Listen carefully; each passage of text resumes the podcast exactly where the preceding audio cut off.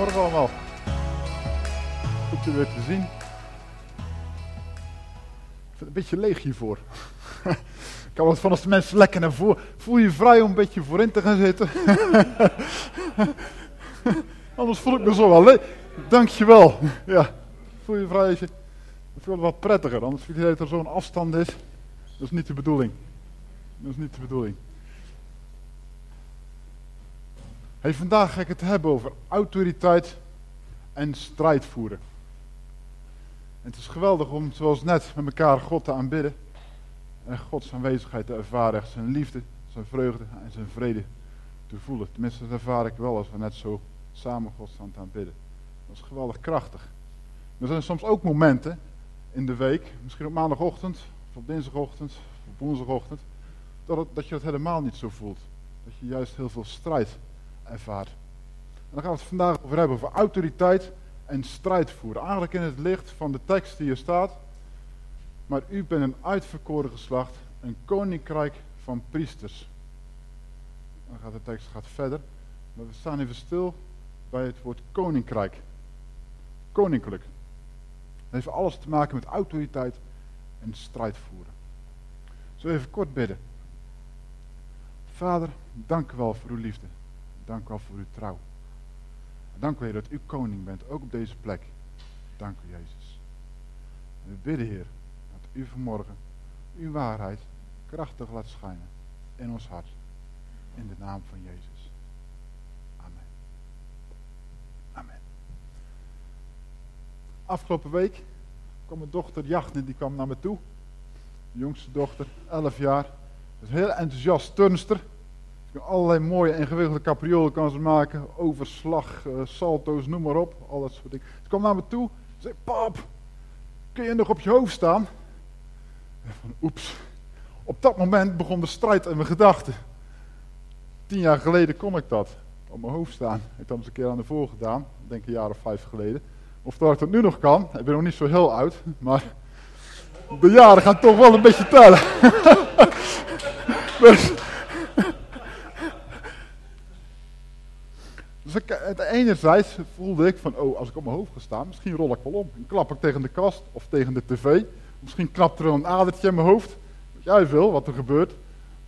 Maar ik kan het ook wel doen. Als ik het wel doe, dan doorbreek ik bij mezelf iets, zeg maar. Weet je, je doorbreekt een soort angst. En ik ben toch een soort van, nou ja, inspiratie dan voor haar. Dus ik dacht, laat ik nou even de negatieve gedachten parkeren. Ik ga het gewoon proberen, op mijn hoofd staan. Ik zet mijn handen op de vloer en dan heb ik zo'n trucje voor. Dat ik in een driehoekje ga staan. En rempel, het ging nog ook. Ik kon op mijn hoofd staan. Dus voor mezelf ook eens doorbroken. En Jacht was geïnspireerd, dus die rent de tuin. En gaat samen met de vriendinnetje gaat hetzelfde proberen. Gaf toch nog een goed gevoel.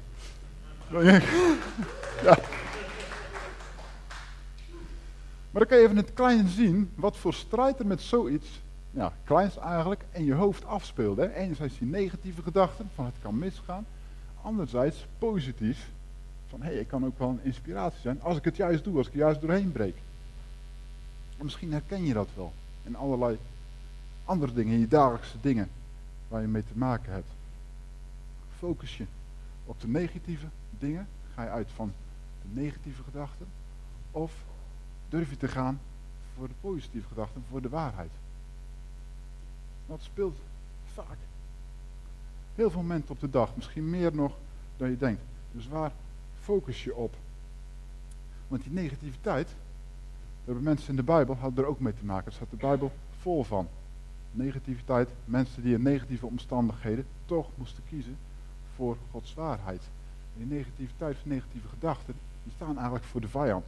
Het enige wat de vijand wil doen, is zeg maar ons onderuit schoffelen. Dat is het enige doel wat hij heeft. Dus om de relatie met God om die kapot te maken. En om onszelf uiteindelijk kapot te maken. En vaak op heel slinkse manieren.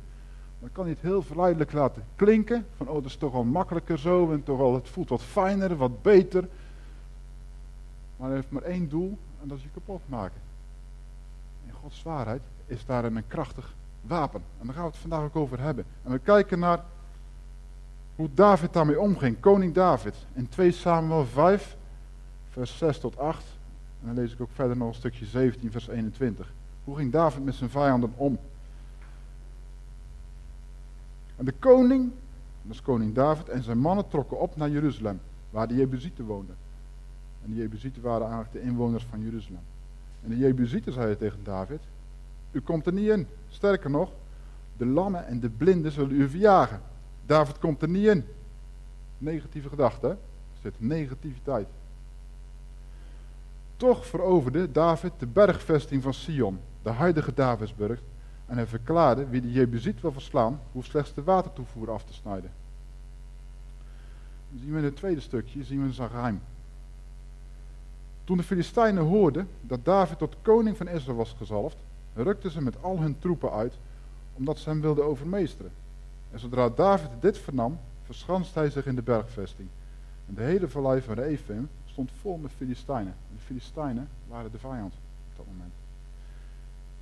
En David wendde zich tot de Heer. Dus dat is zijn geheim. Hij wendde zich eerst tot God en hij vroeg, zal ik de Filistijnen aanvallen? Zult u ze aan mij uitleveren? En de Heer antwoordde, ga op hen af. Ik verzeker je dat ik de Filistijnen aan je zal uitleveren. En David ging naar Baal Peresim en daar versloeg hij hem.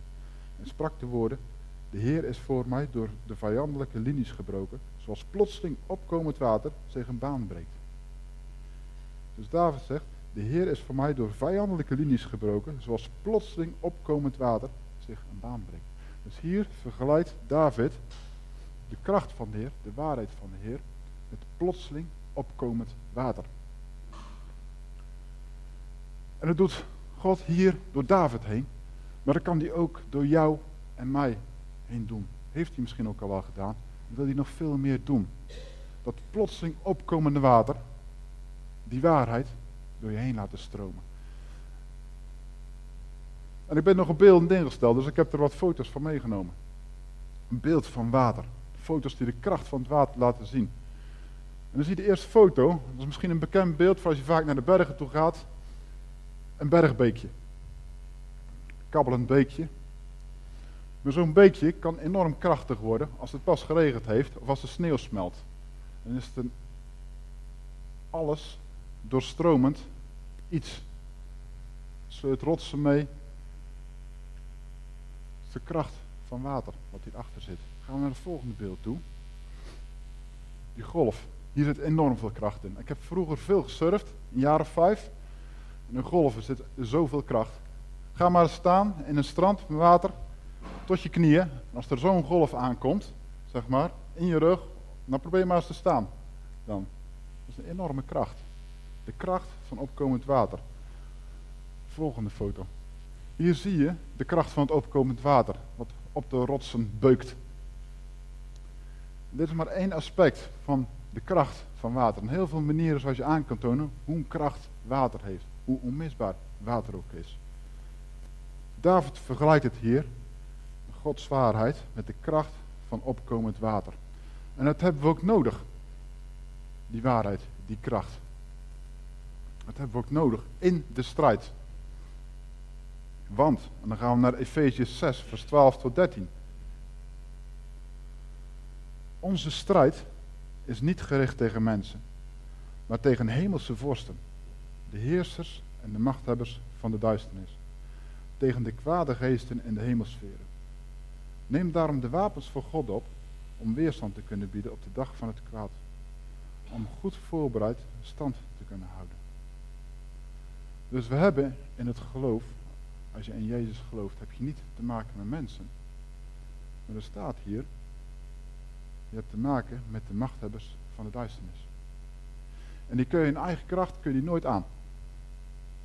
Daar heb je Gods kracht voor nodig. Gods autoriteit voor nodig. En de tekst zegt dit hier ook. Neem de wapens van God op om weerstand te kunnen bieden op de dag van het kwaad. En dat is een keuze. Dat is een keuze. Durf je het oude los te laten en het nieuwe te omarmen? Durf je, zeg maar, je oude leven, wat misschien vol met leugens was, of misschien met geloven en leugens, of met negativiteit, durf het los te laten en volledig te vervangen door de waarheid. Ik heb dat zelf heel erg eh, moeten leren. Moeten leren. Want de wereld is vol negativiteit. Er zitten heel veel mooie dingen in de wereld, er gebeuren heel veel goede dingen. Maar vooral de media, die heeft nogal de neiging om te focussen op de dingen die misgaan.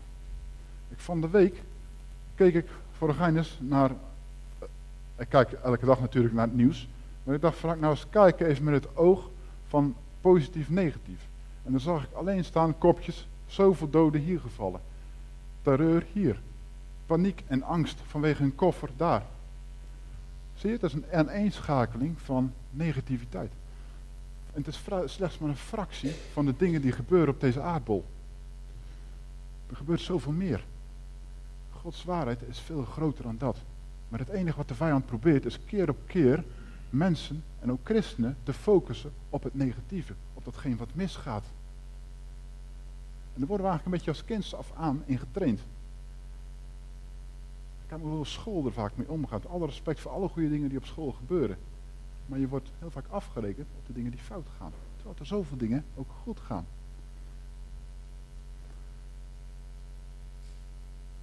Richt je aandacht op het positieve. Dat is iets wat, wat God ook in de Bijbel steeds laat zien. Richt je aandacht op Gods licht, op Gods waarheid. We gaan naar Filippenzen 4 vers 8, die dat zegt. Hoe ga je om met negativiteit, met moeilijke omstandigheden, met dingen die misschien zijn uitgesproken over je leven, die helemaal niet kloppen. Want Filippenzen 4 vers 8 zegt, Ten slotte, broeders en zusters, schenk aandacht aan alles wat waar is, alles wat rechtvaardig is, alles wat zuiver is, alles wat lieflijk is, alles wat eervol is. Kortom aan alles wat deugdzaam is en lof verdient. Dus zegt tegen deze tekst, schenk gewoon aandacht aan alles wat goed is. Schenk aandacht aan de waarheid. Aan de waarheid. Dat is een sleutel. Voor ons allemaal. Ook voor mezelf. Nog steeds. Om aandacht te schenken aan de waarheid. Want als je in je negatieve omstandigheden, waarin mensen misschien negativiteit uitspreken over, je, over jou, over je omstandigheden, misschien heb je te maken met ziekte of wat dan ook. Het gevaar is dat je heel erg daarop gaat focussen en dat het gaat overheersen. Natuurlijk, het is er. Maar er is iets groters dan dat. Dat is Gods waarheid. Dat is Gods waarheid. Want als je dat doet, als je Gods licht, Gods waarheid in je negatieve omstandigheden laat schijnen, dan gebeurt er iets bijzonders. En doet wel eens vaker de parallel trekken tussen de natuur en tussen de geestelijke wereld. Al het zichtbare komt voort uit het onzichtbare. Dan gebeurt er het volgende. Laat maar zien, foto. Dit gebeurt er als je Gods waarheid laat schijnen in negatieve omstandigheden. Als je Gods licht laat schijnen in negatieve omstandigheden, dan verschijnt er een regenboog. Een regenboog is een teken van hoop. is een teken van hoop. En die regenboog, die wordt feller naarmate de omstandigheden moeilijker worden. Als je daar Gods waarheid in laat schijnen. Laat de volgende foto maar zien. Hier is de bui wat donkerder. Hier zie je een dubbele regenboog. De onderste en de bovenste. Als je goed kijkt, die zijn weer gespiegeld in elkaar. Op die kleuren van die regenboog. Zoals wat er dan zichtbaar ook. In die regenboog zitten allerlei kleuren. Laat de volgende foto maar zien. Een regenboog, als je erop inzoomt, zien we het dan zo meteen, bestaat uit zeven kleuren. Als je naar de volgende foto gaat, ziet hem hier ook mooi weerspiegeld. Maar het bestaat uit zeven kleuren uit rood, oranje, geel, groen, blauw, indigo en paars. Ik ga zo meteen iets meer vertellen over de betekenis ervan. Even terug nog naar die vorige. Ja, laat hem maar staan ook. Namelijk, als de zon schijnt in ijzige omstandigheden, ijzige omstandigheden, dan gebeurt er dit. Dit verschijnsel kennen wij niet in Nederland, komt wel voor op andere plekken in de wereld. Dit is de weerkaatsing van de zon op ijskristallen. Dat is een vuurregenboog. Komt in Amerika voor, komt ook vooral rond de Evenaar komt die voor. In Singapore is die pas ook nog gezien. Dat is heel zeldzaam. Maar dat is juist als je Gods licht toelaat in ijzige omstandigheden. Gebeurt dit heel bijzondere effect. Gaan we naar de volgende dia. Dit is niet geshopt. Dit zijn echte verschijnselen.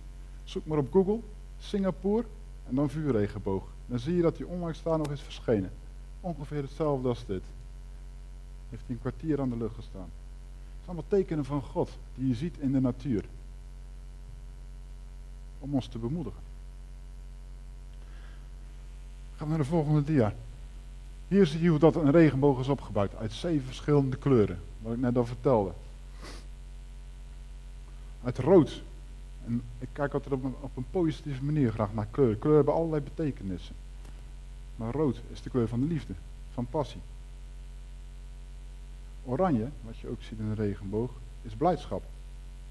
De kleur die we nog in de Connectkerk, vooral in het begin ook veel uh, hadden. Blijdschap. Dat is in de vlaggen. Dat is nog steeds, hè? Hebben we nog blijdschap. Geel. Geel is de kleur van hoop. kleur van hoop. Groen is de kleur van leven. En blauw. Weet iemand daar de betekenis van, van blauw? Weet uit? De lucht, klopt, heel goed. Reinhard, onder andere. Dat is ook de kleur van communicatie. De kleur van de Heilige Geest. Dat is blauw. Indigo. Dat is een, een paarsige kleur is dat. Dat is de kleur van zuivere kennis. Zuiverheid. Je kan het dus opzoeken op internet. Zie al die betekenissen ervan. Violet. Dat is de kleur van koningschap. Van waardigheid.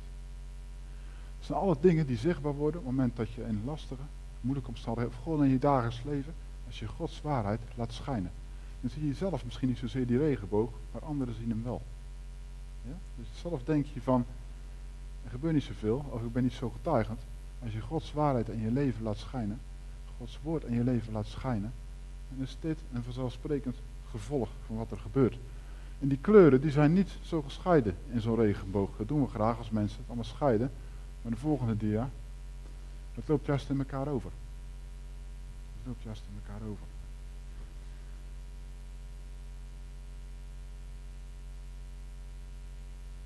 Dat is de waarheid. En die waarheid is zo krachtig. Gods woord, die zegt ook, Johannes 8, vers 32, de waarheid zal je bevrijden. De waarheid zal je bevrijden. Want Jezus zegt zelf, ik ben de waarheid. En Jezus zegt ook, mijn woord is de waarheid. En Gods geest wordt ook de geest van de waarheid genoemd. Dus alles draait om Jezus, om waarheid.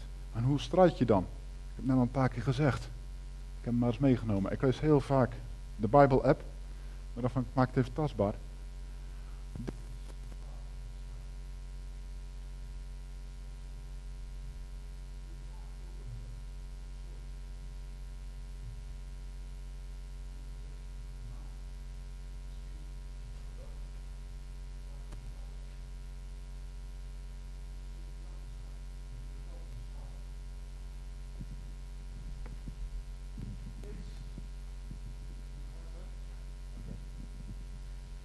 Lees en spreek Gods woord. Lees en spreek Gods woord. Dus lees het, maar spreek het ook hardop uit. Dan kan ik je meegeven. Hoe strijd je? Maar bid er ook over. Bid er ook over.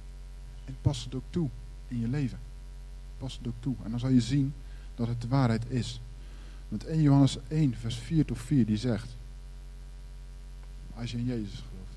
Die zegt, hij die in je is, is machtiger dan hij die in de wereld is. Hij die in je is, is machtiger dan hij die in de wereld is. En dat is een heel krachtige tekst. Ik gebruik hem zelf heel vaak. Als ik merk dat ik aanvallen voel, dat je merkt van uh, een bepaalde omstandigheid van dit gaan we niet lukken. Of ik merk dat ik te veel focus op hetgeen wat mis is of mankeert. kan je het echt gebruiken, die tekst. Hij die in me is, is machtiger dan hij die in de wereld is. Probeer maar eens. Zullen we het gewoon met z'n allen doen? Hij die in me is, is machtiger dan hij in de wereld is. Nu met z'n allen. Hij.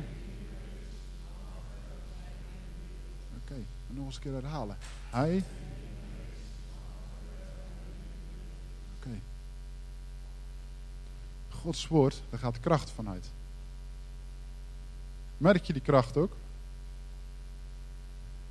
Ik zal je echt willen uitdagen om dat echt de komende tijd, als je het al niet deed, er echt mee aan de slag te gaan. Gewoon Gods waarheid uitspreken over de situatie. En dat is niet altijd makkelijk. Dat geeft ook wel een strijd. Maar strijd maakt sterk. Ik doe zelf ook, naast wat hardlopen, doe ik ook nog een krachttraining. Om een beetje tegenwicht te geven op een kantoorbaan. Maar dan heb je wel gewichten nodig. En die gewichten, dat is nodig. Dan moet je echt flink sterker maken om ook sterker te worden. En dat is helemaal niet erg. Gooi maar gewoon gewichten op, weet je wel. Om sterker te worden. Dus door die strijd wordt je juist geoefend. Als we geen strijd zouden hebben, ja, dat, dat voelt wel lekker makkelijk. Maar dan worden we eigenlijk steeds zwakker. Ik ben een hardloper. Als ik een loopschoen heb die mijn voet te veel ondersteunt, wordt mijn voet alleen maar zwakker. Moet eigenlijk een schoen hebben die mij niet te veel ondersteunt. Net genoeg. Dan blijft die voet goed sterk. En zo werkt het ook in het geloof. En volhard ook. Dat is ook een wapen in de strijd. Blijf volharden. Maar als je kijkt in de Bijbel. Als we kijken naar het verhaal van de verspieders bij het inname van het land Canaan. Weet je nog? Er worden tien verspieders op uitgestuurd. Of twaalf. En er zijn er twee, Jozua en Caleb, die zien de mogelijkheden. De anderen, die komen terug en zien alleen maar problemen. En dat de, de, de, de mensen daar te groot zijn en te sterk. Maar Jozua en Caleb zeggen, we kunnen dat land wel innemen. En God zegent hen. Je ziet het ook bij Noach. Noach die bouwt een boot. Midden in een wereld waarin het eigenlijk gewoon eenmaal goddeloosheid was. En iedereen hem uitlachte. Maar Noach ging wel aan de slag met die boot en hij bouwde door. 120 jaar lang. En uiteindelijk ging alleen zijn eigen familie ging mee die boot in. Ik denk zelfs nog vanuit een soort van mededogen met Noach. Dat ze denken van ja, we laten hem niet alleen. Ze stappen in die boot en ze blijven als enige gespaard. Juist omdat Noach zo trouw was en zo volhardend was. Als we kijken naar Jezus, direct nadat hij gedoopt werd, werd hij in de woestijn geleid. Door de Heilige Geest. Maar hij werd direct werd hij ook sterk aangevallen door de duivel. Met negativiteit, met negatieve gedachten. Hij werd ook misleid. Er werd hem ook eigenlijk gewoon hele mooie dingen voorgehouden, maar Jezus doorzag het. Hij wist, de duivel is erop uit om mij kapot te maken. Hij sprak hem tot drie keer toe, sprak hij hem toe. Met Gods woord, met Gods waarheid. En je ziet wat er gebeurde aan het eind. De duivel vluchtte van hem weg. Zo bang is de duivel voor de waarheid. Het is is zo belangrijk dat je Gods woord, dat je die toepast in je leven. Als je zegt, of als je merkt, ik ben bezorgd. Zegt Gods woord, zegt, wees niet bezorgd. Als je merkt, ik heb te maken met angst. Dan zegt Gods woord, zegt, wees niet bang. Staat 360 keer, 350 staat het in de Bijbel. Voor elke dag een keer een tekst zou je bijna zeggen. Wees niet bang. Hij zegt, de toekomst is voor mij donker en zwart. En zegt God, van, ik heb je geluk voor je ogen. Niet je ongeluk. Ik zal je een hoopvolle toekomst geven. Staat zelf ook in Gods woord. Dat Gods woord een tweesnijdend scherp zwaard is. Dus hoe belangrijk is het dan om dat te lezen? En als je het vaker leest, merk je ook dat je op een gegeven moment teksten krijgt die een medicijn zijn tegen negativiteit, tegen negatieve gedachten of gevoelens. Of dingen die over je zijn uitgesproken. En misschien voel je je wel minder waardig. God zegt in zijn woord, zegt hij, je bent zo kostbaar en ik hou zoveel van je, dat ik de mensheid geef ruil voor jou, ja alle volken, om jou te behouden. Dat zijn allemaal teksten die God geeft. En ze werken echt als je ze uitspreekt. En als je ze gewoon toepast in je leven, door gewoon erop te vertrouwen dat het waar is. Dus dan kan ik je echt aanbevelen. Om dan gewoon eens een tijd komende tijd misschien wat bewuster nog mee aan de slag te gaan. Want je zal merken dat Gods plan met je leven verder zal worden vrijgezet. Dat je juist ook weer groter gaat denken. Dat je weer een nieuwe visie gaat krijgen. Dat je vijanden worden verslagen. En dat je nieuwe grond zal gaan innemen. En zul je ook gaan merken dat de wonderen en tekenen jou gaan volgen. En dat is geen leugen, dat is echt een waarheid. Ik hoor het van mensen om me heen die in vol vertrouwen gaan achter God aan. Die niet zien precies wat hij voor ogen heeft met hem. Maar toch gaan. God geeft vaak, precies het beetje licht wat nodig is. Precies de tekst die nodig is. Om net die strijd te voeren die je nodig hebt. En je ziet dat stap voor stap Gods plan met het leven verder in vervulling gaat.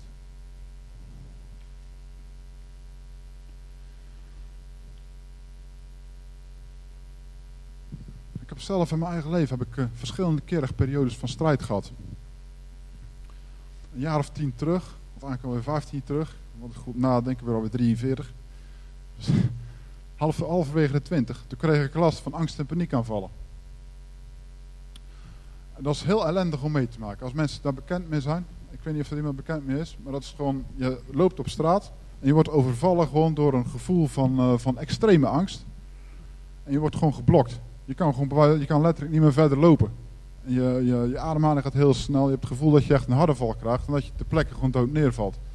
Dat is, dat is het gevoel wat het geeft. En dat heb ik behoorlijk wat keer heb ik dat gevoel gehad. Dat was, toen was ik nog niet echt tot geloof gekomen toen me dat overkwam. Maar God begon toen denk ik al wel een beetje te werken.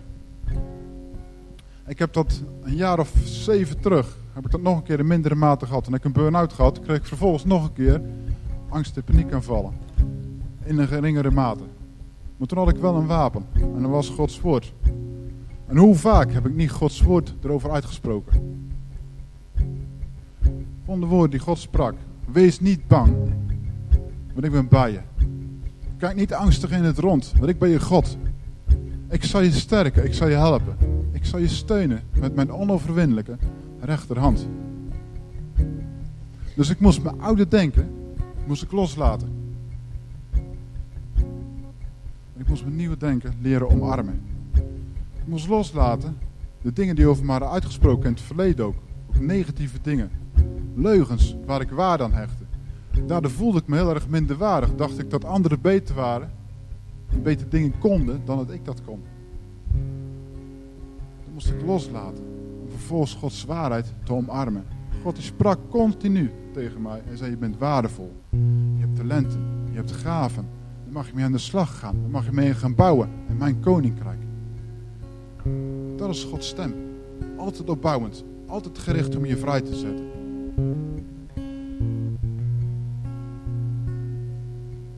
En daar ben ik nog steeds in aan het groeien. Elke dag opnieuw. Het is nog niet af. Het is nog niet af. En dat blijft doorgaan. Dat blijft doorgaan. En ik denk dat dat voor ieder van ons geldt. Daar mogen we samen in groeien. Daar mogen we samen in groeien. Dan wil ik je echt in bemoedigen. Als je in een bepaalde situatie zit. Als je even niet weet wat verder moet. Of misschien heb je een droom. Dat je ziet van die ziet nog niet in vervulling gaan. Als jij die dingen gewoon in Gods handen legt. Gods waarheid erover uitspreekt. Dan zal hij je er echt in gaan bemoedigen.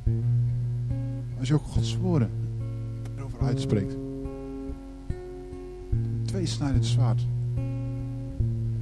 Dan zal hij die gedachten van de vijand af gaan breken. En dan zal die Gods waarheid, Gods licht in jouw situatie laten schijnen. En dan zal je zien dat die regenboog, die je misschien zelf nog niet eens zag, dat die gaat schijnen. Yes?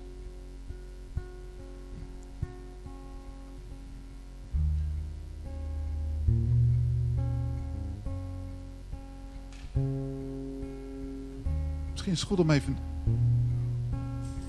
gaan bidden hiervoor. Yes? Misschien is het goed om even om te gaan staan.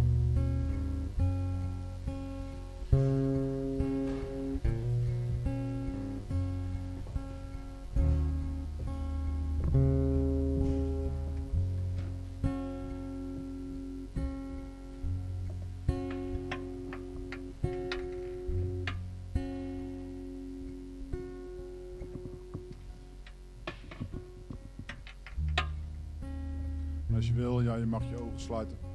Laten we gewoon samen gewoon ons uitstrekken naar God. Vader, dank u wel voor uw liefde en dank u wel voor uw trouw, Heer. Dank u wel voor uw waarheid. Dank u dat u met ogen van liefde naar ons kijkt.